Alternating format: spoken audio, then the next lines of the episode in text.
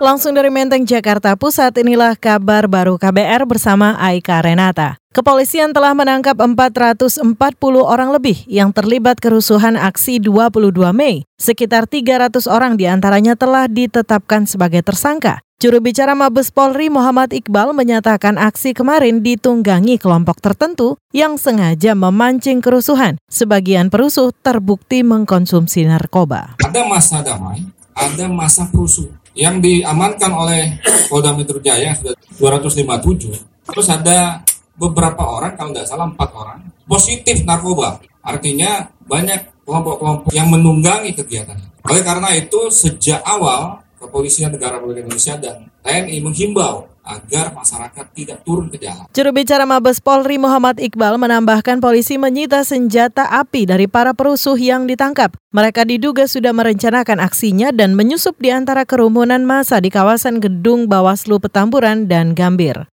Sementara itu, Saudara Rumah Sakit Polri menyebut empat korban kerusuhan aksi 22 Mei tewas karena tembakan. Hal ini berdasarkan hasil autopsi dengan persetujuan keluarga. Namun Kepala Rumah Sakit Polri Musyafak enggan memastikan apakah luka tembak tersebut akibat peluru tajam. Ia berdalih tak punya wewenang untuk menyimpulkan hal itu. Kita sudah autopsi berdasarkan uh, permintaan dari penyidik dan tujuan dari keluarga memang meninggal karena ada luka tembak didapatkan luka tembak. Saudara selama kerusuhan aksi 22 Mei Rumah Sakit Polri menangani 13 korban dari masyarakat dan 26 orang anggota polisi.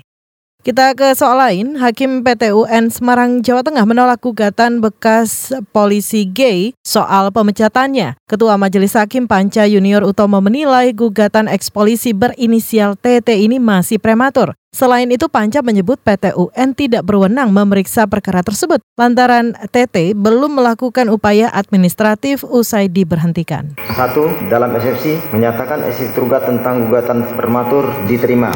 Dalam pokok sengketa, satu, menyatakan gugatan penggugat menyatakan gugatan penggugat tidak diterima. Dua, menghukum penggugat untuk membayar biaya yang timbul dalam perkara ini sebesar Rp348.000. Demikian diputus dalam musyawarah majelis hakim pada hari Kamis tanggal 23 Mei 2019 oleh Panca Junior Utomo SHMH selaku Hakim PT UN memberi waktu TT sebagai penggugat ataupun Polda Jawa Tengah sebagai tergugat untuk mengajukan upaya hukum lanjutan atas putusan tersebut. Sebelumnya saudara TT dipecat dari institusi kepolisian pada akhir Desember 2019.